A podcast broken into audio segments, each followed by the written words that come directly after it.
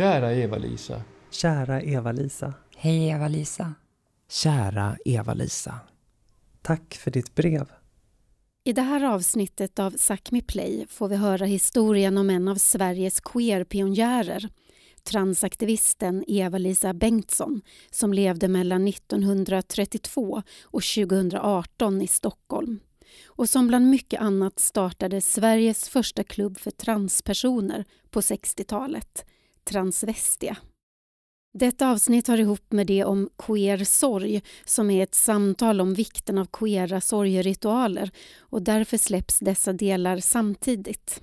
Vi rekommenderar att lyssna på dem efter varandra. Transvestia, som Eva-Lisa Bengtsson alltså startade på 60-talet fungerade till en början som en brevklubb. Men efter ungefär ett år började medlemmarna ses på riktigt i en lokal på Södermalm i Stockholm, den så kallade Spegelsalen.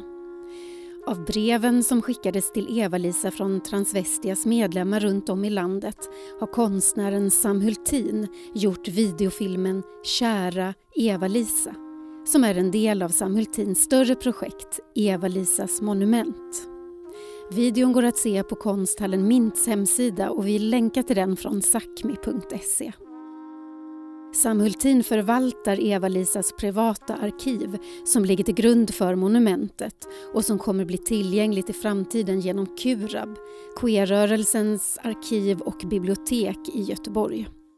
Vi kommer nu få höra en presentation av det här projektet som Sam Hultin höll online den 10 december 2020 på ett publikt event hostat av Sápmis Anna Linder. Ibland hänvisar Sam till ett bildspel som hen visar. Ett urval av de bilderna finns på sakmi.se. Allt eftersom Sam berättar kommer vi även få höra utdrag ur videoverket Kära Eva-Lisa. Play. Så välkommen Samueltin. Tack så jättemycket Anna och tack för att jag eh, fick komma hit. Eller ja, in i datorn hos er. Eh, ja, men jag heter alltså Samueltin och jag ska berätta lite om dels om Eva-Lisa Bengtsson men också om då det här projektet som jag kallar för Eva-Lisas monument. Första gången som jag på riktigt satte mig ner och pratade med Eva-Lisa Bengtsson, det var 2014 i RFSLs gamla lokaler Huset på Sveavägen i Stockholm. Och hon hade dykt upp på några event som jag hade arrangerat och efter ett av de eventen så sa hon att hon ville visa mig någonting. Så vi träffades på huset och eh, nu tänkte jag i en väldigt förkortad version berätta och visa ungefär vad hon berättade och visade för mig. Så Eva-Lisa Bengtsson föds i Stockholm 1932. Och även om hon känt sedan hon var liten att hon egentligen är flicka så dröjer det ända till 1964 när hon är 31 år som hon ska våga berätta för någon om hur hon känner det. Och vid den här tiden, alltså mitten på 60-talet, så är transsexualism fortfarande ett eh, relativt okänt och eh, nytt begrepp. Även om personer som levt som ett annat kön än det de tillskrivits från födseln och ett smörgåsbord av andra sorters könsöverskridanden förstås funnits i alla eh, tider och i alla samhällen. Men nu i mitten, på 90, eh, mitten av 60-talet så har ett fåtal läkare i Sverige börjat experimentera med könsutredningar och könsbekräftande vård. Men eh, tydligt är att större delen av läkarkåren står ganska handfallen. Under Eva-Lisas första läkarbesök så får hon till exempel reda på att hon inte kommer komma under behandling eftersom att hon är lesbisk och att det enligt den här läkaren då vore att gå från en villfarelse till en annan. Eh, men han ger henne en medicin som han tror ska bota det eh, han tror då är eh, någon slags hjärnskador. Så att Eva-Lisa hon tar tåget hem, tar en sån här tablett men bryter helt enkelt ihop eftersom det känns fel att försöka bota någonting som är del av henne själv som en sjukdom. Hon kommer också ut för sin familj. Vid det här i den här vevan men inser snabbt att livet som Eva-Lisa kommer hon aldrig kunna leva vare sig hemma eller på sitt arbete. Men det är också nu som hon förstår att hon är tvungen att hitta en plats där det går. Så att Eva-Lisa hon försöker komma i kontakt med likasinnade då och en dag så ser hon en annons i porrtidningen Raff eh, som Erika Sjöman har satt in. Eh, och Erika, hon är då transvestit och har jobbat till sjöss och under en vistelse i Los Angeles så har hon kommit över en tidning som heter Transvestia. Eh, och jag ska också säga att de här porrtidningarna de var under, här, under den här tiden en av relativt få, liksom, try ganska trygga eh, kommunikationskanaler för transpersoner under den här tiden. Eh, de försökte till exempel annonsera i DN men det fick de inte göra. Så det här är alltså den amerikanska tidskriften Transvestia som gavs ut av transvestitaktivisten eh, Virginia Prince. Så att Erika och Eva-Lisa de möts eh, och så eh, startar de tillsammans klubben då som får samma namn som det här magasinet. De författar också en annons eh, som de sätter in i Raffs systertidning Piff.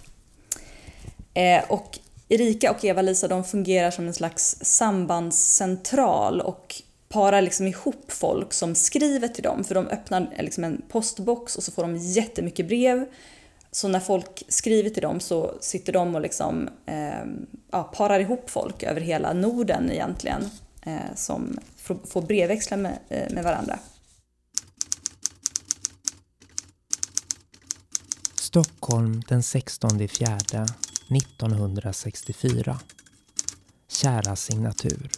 Jag vet inte om jag är den lyckliga mankvinna ni efterlyser, men jag har använt den signaturen då jag skickade in ett manus till Piff, icke Raff. Ja, jag är transvestit och avancerad sådan. Jag menar därmed att jag numera alltid klär om när jag kommer hem och att jag överhuvudtaget icke längre har några manliga underkläder. Jag har fullständig garderob och alla accessoarer. Jag är nog lycklig att ha goda inkomster så att jag kan tillfredsställa mina nycker och mina krav på kvalitet. Men efter då ett år så får Eva-Lisa och Erika kontakt med en kvinna som jobbar eh, i det här huset som är Nederländska ambassaden i eh, Stockholm på Götgatsbacken. Och hon fixar så att de får ordna en första eh, träff där 1965.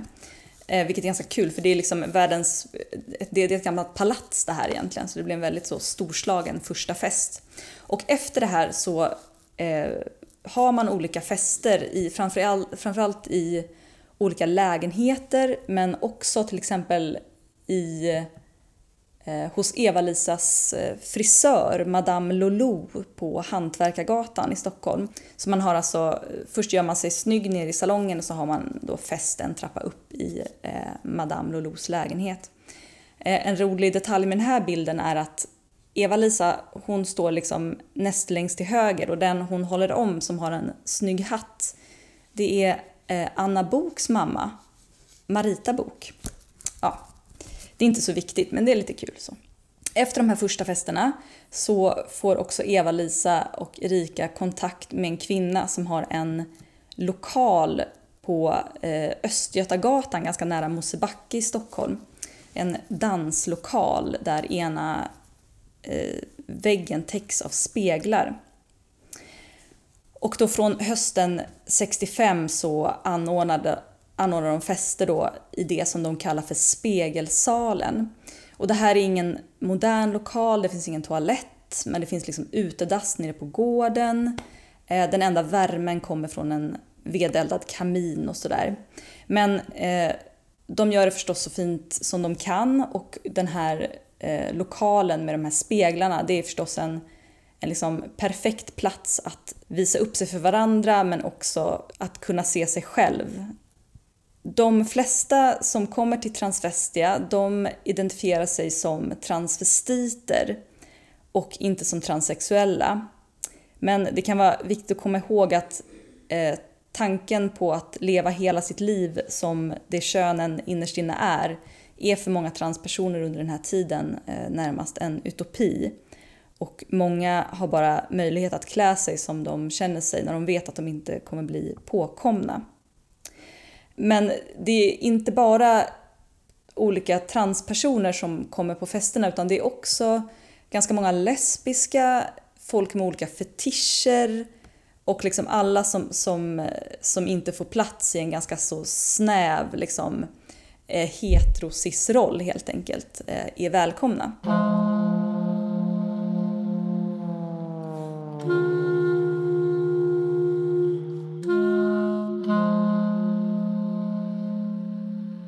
Kära Eva-Lisa. Ett hjärtligt tack för din vänlighet att ordna så att jag åter en gång fick komma upp till klubblokalen. Det gladde mig mycket att träffa Marianne. Vi har andra gemensamma intressen också. Hon är liksom jag mycket naturintresserad. Och så var hon så flott och förde sig med gras. Främst på önskelistan står nu flera sådana träffar. Är det inte tänkbart att det skulle finnas en så kallad festvåning som vill ordna något för oss? Jag är så enormt lycklig alla de gånger jag är tillsammans med er. Jag känner mig hemma där. Om jag ställdes inför ett val, ett ultimatum, vad skulle jag välja? Er, ingen tvekan. Jag skulle kunna överge min familj, mitt arbete, mina vänner i mitt liv som man. Mitt så kallade anseende som i varje fall hittills är, efter vad jag förstår, tämligen gott. Jag har allt för att få vara med er. Eller för att vara kvinna, kvinna, kvinna. Eh, och här har vi då Virginia Prince. För det som händer, hon är alltså en transvestitaktivist i USA eh, och Eh, har gett ut den här tidningen Transvestia. Men hon har också startat en förening som heter eh, Full Personality Expression, FPE, som är en organisation för heterosexuella transvestiter. Och det som händer i Sverige då, det är att eh, en medlem ur Transvestia som heter Annette Hall, hon åker till Los Angeles och träffar Virginia Prince och blir medlem i den här organisationen. Och eh, tar liksom med den här organisationen till Sverige. Och grejen med den här organisationen det är då att den är för den har ganska liksom snäva ramar för vilka som får vara med. Så bland annat så får en inte då vara homosexuell och en får heller inte vara transsexuell. Vilket förstås då sätter käppar i hjulet för till exempel Eva-Lisa som både är eh, transsexuell och eh, lesbisk. Och eh, det kan ju vara liksom lite svårt att förstå de här gränsdragningarna idag. Men det är också viktigt att komma ihåg att både historien och också samtiden har flera exempel på eh, just det här när en relativt utsatt eller sårbar grupp istället för att solidarisera sig med en än mer utsatt grupp istället väljer att distansera sig som ett sätt att skydda den liksom lilla eh, status eller makten har. Och där kan den ju då förstås både jämföra med den tidiga strejkrörelsen och deras ovilja att samarbeta med kvinnor men också till exempel fenomenet vit feminism som inte tar hänsyn till hur eh, rasism och eh, sexism samspelar för att förtrycka eh, rasifierade kvinnor till exempel. Så. Eh, så att i FPE så, så passar Eva-Lisa då förstås inte in. Eh, trots det här så håller hon eh, klubben vid liv ända till 1969. Men efter det så drar sig Eva-Lisa liksom bort från den här eh, transrörelsen helt enkelt eftersom hon känner att hon inte får, får plats i den. Och samtidigt, alltså 69, så har Eh, det här ska vi se, härliga paret, eh, lesbiska paret Jerry och Märta, eh, de har varit engagerade i Klubb Diana som är RFSLs tidiga grupp för lesbiska. Och de har tagit över en lokal på Folkungagatan eh, 93. De sätter in en eh, annons i DN där de efterlyser eh, homosexuella damer med intresse för Eh, diskussioner och bridge och lyrik och sång och musik och sånt där. och då säger att, att folk som är intresserade ska höra av sig och det gör Eva-Lisa. Och hon skriver förresten ett, två ganska långa brev där hon berättar om sig själv och frågar om hon är välkommen. Eh, men det är hon. Och snart öppnar också då Jerrys damklubb som har fest varje fredag inne på, i en källarlokal inne på gården på Folkungagatan. Eh, Jerry hade döpts till ett feminint namn men alla känner Jerry som just då Jerry. Eh, och hen blir snart som en förälder för Eva-Lisa och för flera av hennes gamla transvestiavänner. Så det är ganska många, även om det är liksom en lesbisk klubb så är det många, framförallt transkvinnor som kommer. Och många av de lesbiska som hänger på klubben, de har precis som Jerry tagit sig ett eh, maskulint namn och bär då traditionellt maskulina kläder. Och gränserna mellan de som har en butch-identitet och de som kanske hade haft en, en transidentitet idag eh, är luddiga och förstås svårt att liksom säga någonting säkert om. Men eh, det är också viktigt att ta upp eftersom transmaskulina är så osynliggjorda i historieskrivningen. Men efter då en stökig nyårsfest 70-71 när deras lokal har eh, lånats ut till ett ganska eh, härjigt heterosexuellt gäng så blir de tyvärr utslängda och eh, Jerrys damklubb stängs eh, tyvärr för gott då. Eh, så efter det här så följer Eva-Lisa eh, Eva-Lisa med sina lesbiska kompisar till Timmy som var RFSLs dåvarande lokal på Timmermansgatan. Och vid den här tiden, nu är det alltså tidigt 70-tal, så pratar man liksom inte så mycket om transidentiteter i RFSL och faktumet att Sverige eh, som första land i världen erbjuder sina medborgare att byta, byta juridiskt kön, det är liksom ingenting som en eh, uppmärksammar särskilt mycket. Och trots att Eva-Lisa får eh, hormoner utskrivna av en läkare från eh, sent 60-tal någon gång så kommer hon aldrig att byta juridiskt kön eftersom hon aldrig kan vara sig själv eh, på heltid.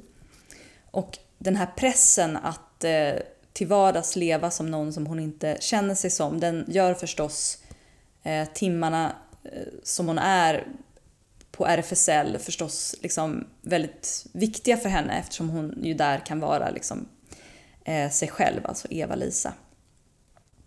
Så att bögarna och eh, de lesbiska de har alltså den här lokalen tillsammans men det dröjer inte länge förrän de lesbiska på grund av en eh, påfallande mansdominans känner ett behov av att ha sin egen klubb.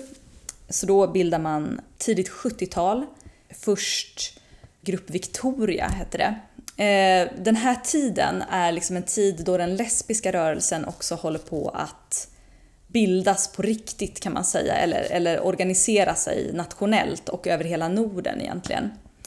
75 så bildas också den rikstäckande organisationen eh, Lesbisk front eh, där eh, Eva-Lisa och ja, hela gänget från Grupp Victoria kan man säga går med.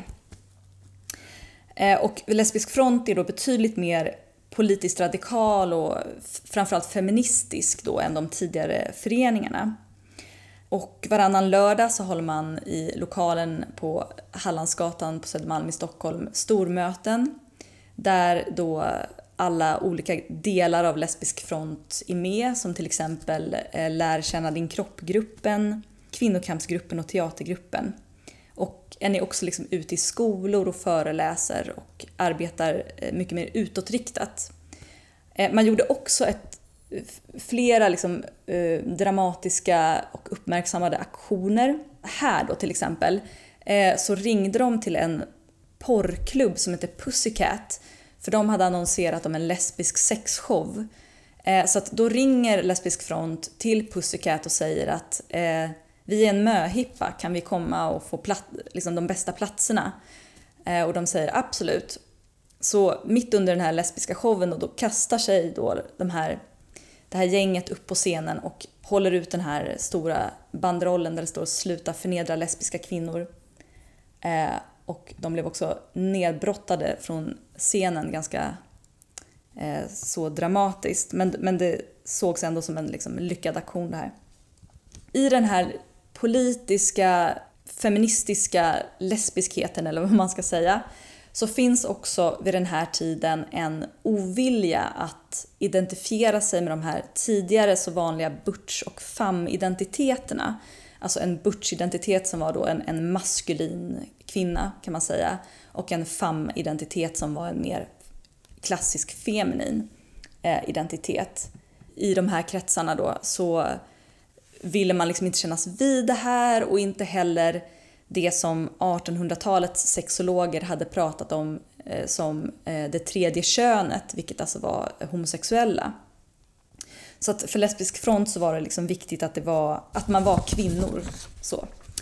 Och det kan vara viktigt att komma ihåg att trots en del liksom feministiska landvinningar som daghem och eh, fri abort och sådär så genomsyras fortfarande samhället av en sexism som kan vara svårt och eh, svår att föreställa sig idag. Å andra sidan så kräver det här en eh, binär förståelse av kön, alltså idén om att det finns två fasta eh, kön, det finns män och kvinnor och de ska identifiera sig som män och kvinnor och det finns ingenting annat. Så det här osynliggör förstås och hindrar eh, förstås alla könsöverskridande identiteter. I slutet på 70-talet så startar Lesbisk front eh, tillsammans med andra kvinnogrupper som eh, Grupp 8 och Kvinnobulletinen och några andra grupper ett kvinnohus i Stockholm efter väldigt mycket arbete. Kvinnohuset på Snickarbacken det finns kvar till 1996 då man flyttar till en mindre lokal på Blekingegatan. Eh, och det är i den här vevan som röster börjar höjas som menar att transkvinnor inte ska vara eh, välkomna på kvinnohuset då.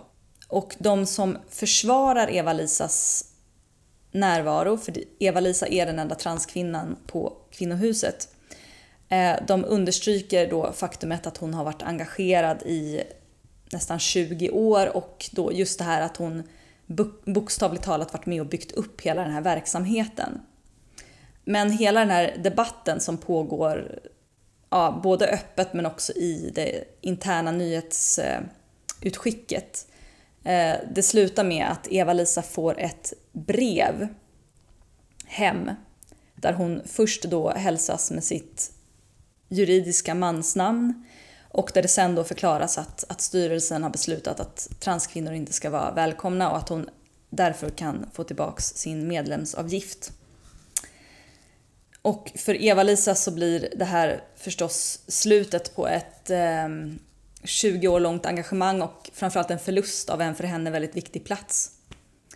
Eh, men nyckeln till Snickarbacken kommer hon ha kvar på sin eh, nyckelknippa livet ut.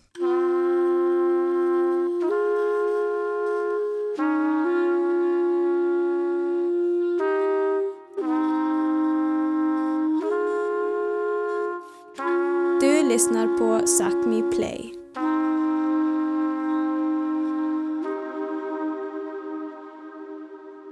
Jag skulle också bara vilja säga någonting om transfobin, eller den här liksom vågen av transfobi som blir väldigt synlig i svenska lesbiska och feministiska kretsar här i alltså mitten på 90-talet. Den här transfoba retoriken inom den delen av feminismen som kallas radikalfeminismen den har fått hjälp, i, eller i Sverige så får den här boken som heter då The Transsexual Empire, The Making of the Shemale den får ett väldigt starkt genomslag och framförallt på, på 90-talet. I den så hittar den då de här idéerna som liksom handlar om att transkvinnor är typ låtsas vara kvinnor för att få tillgång till kvinnliga och framförallt lesbiska rum. Och den här konspirations Eh, Eh, teorin. Eh, det är ju tyvärr någonting som, som liksom fortfarande återkommer i, i till och med liksom i dagens eh, debatt. Och på flera liksom, lesbiska och feministiska samlingsplatser så är det väldigt vanligt att, att en skriver ut eller att den exkluderar då transkvinnor och att den också skriver ut då endast kvinnor välkomna, Eh, eh, dock ej transsexuella eller transvestiter under event i till exempel som här eh, RFSL Stockholms tidning på gång. Men det finns också undantag. I samband med de här debatterna så blir det för vissa klubbar ännu viktigare att visa solidaritet med transkvinnorna och ett exempel på det här är klubben Lash som var en BDSM och fetischklubb som eh, tidigt eh, visade att de välkomnar alla sorters kvinnor och efter ett tag så ändrar de också eh, beskrivningen av sin målgrupp till kvinnor, transpersoner och intersexpersoner. Lash utvecklades sen då till klubben Wish som fortfarande drivs i samma anda. Ska säga. Vid det här laget så är Eva-Lisa i 60-årsåldern. Eh, men trots de här motgångarna så fortsätter hon att arbeta inom hbtqi plus-rörelsen. Hon engagerar sig i RFSL Stockholm och driver både transfrågor och lesbiska frågor. Och bland annat så driver hon i slutet på 90-talet, eller hon är med i den grupp som driver att RFSL ska inkludera transpersoner, vilket också sker eh, 2001. Eh, hon arrangerar också en stor lesbisk festival. Eh, hon skriver om lesbisk historia i RFSLs tidning Kom ut och har också börjat föreläsa. Eh, hon går också med i RFSLs grupp för seniora hbt-kvinnor, eh, Golden Ladies. Till Golden Ladies så kommer hon i princip varje tisdag i eh, 25 år. Och i takt med att transpersoner får ett större erkännande är det också fler som uppmärksammar hennes arbete och Eh, 2010 så får hon också ta emot RFSLs hedersregnbåge för sitt arbete inom rörelsen. Och trots det här så har det fortfarande skrivits väldigt lite om Eva-Lisas pionjärarbete inom den tidigare transrörelsen. Umeå den 24 3 1966. Kära Eva-Lisa. Jag sitter på en liten restaurang i Umeå. Obs! Bordservering. Det är mitt vackra och goda jag. Det är Yvonne. Det är underbart här Eva-Lisa. Jag har min grå enkla kjol och en eternitgrå cardigan så att jag är skret som en mus. Men i alla fall. Nog är det roligt så att det förslår. Min syster arbetar i en parfymaffär. Så hon har massor med prylar som hon får på prov. Så hon märker inte om jag lånar hennes saker och låser in mig och lägger lite makeup. Och trivs. Hennes kläder lånar jag bara när jag vet att hon ska vara borta länge. Men då använder jag allt som jag kan få på mig. Hennes långa örhängen är speciellt raffiga. Får inte tala om hennes lösa ögonfransar med glitter på. Jag har lärt mig sätta på dem bra nu. Det är underbart att sitta framför spegeln iklädd bh, trosor, höfthållare, strumpor, halsband och annat och måla sig så raffig som möjligt. Men när jag lärde känna Eva-Lisa så var hon alltså 82 år gammal. Och efter att hon berättat om sitt liv där på RFSL så jag tjatade på henne ungefär två år eh, för att få göra filmade intervjuer med henne, vilket jag också tack och lov fick två år senare, alltså 2016. Eh, och efter det så hade vi kontinuerlig kontakt. Men i början av 2018 så hade hon inte ringt mig på ett tag och jag började bli orolig. Jag eh, pratade med de jag kände i Golden Ladies som också var oroliga och de hade förstås inget sätt att eh, få tag i henne eftersom ingen visste var Eva-Lisa bodde eftersom hon hela tiden hade det här dubbellivet. Men eftersom jag, ja, jag visste vad hennes fru hette så jag kunde liksom luska ut hennes adress så jag åkte helt enkelt dit. Liksom stötte på någon random granne som då berättade att ja, men, mannen i, eh, i huset dog för ett tag sedan.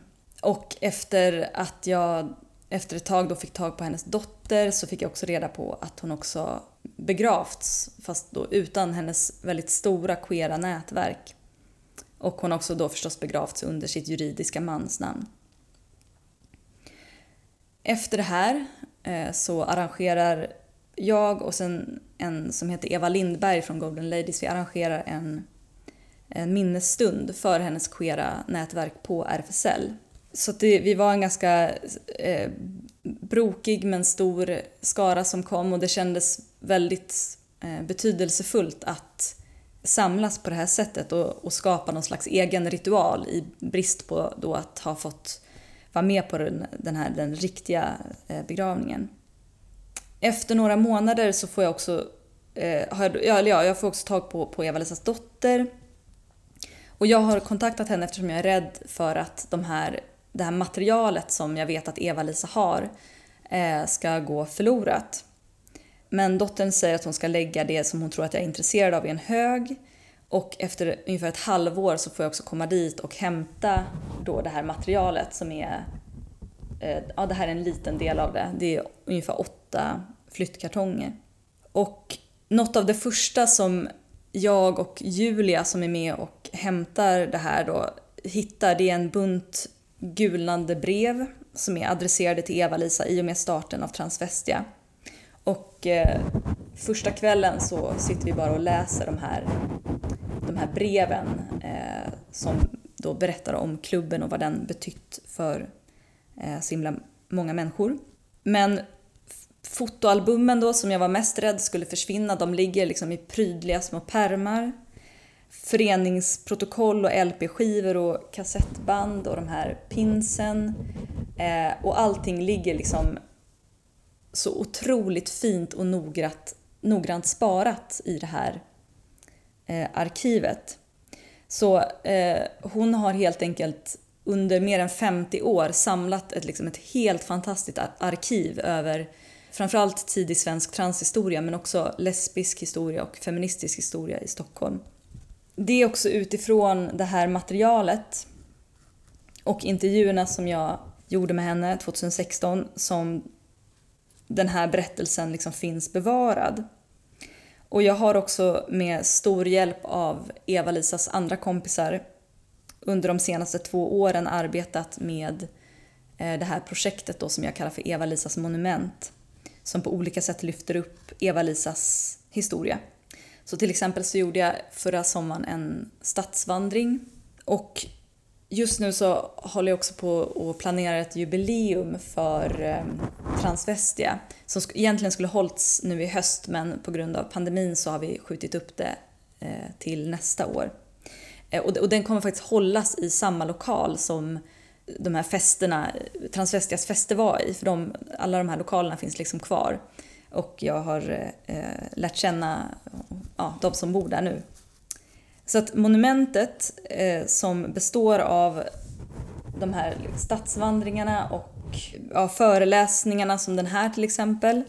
Det blir ett slags sorgarbete och ett eh, ja, ett, ett slags eh, minnesmärke över en person som, som trots det här liksom superviktiga arbetet är relativt okänd idag. Så. Eva-Lisa, jag skulle kunna gråta av glädje nu, så underbart är transvestitlivet. Just nu på den lilla restaurangen. Allt har gått bra. Jag har beställt, ätit och betalt min nota.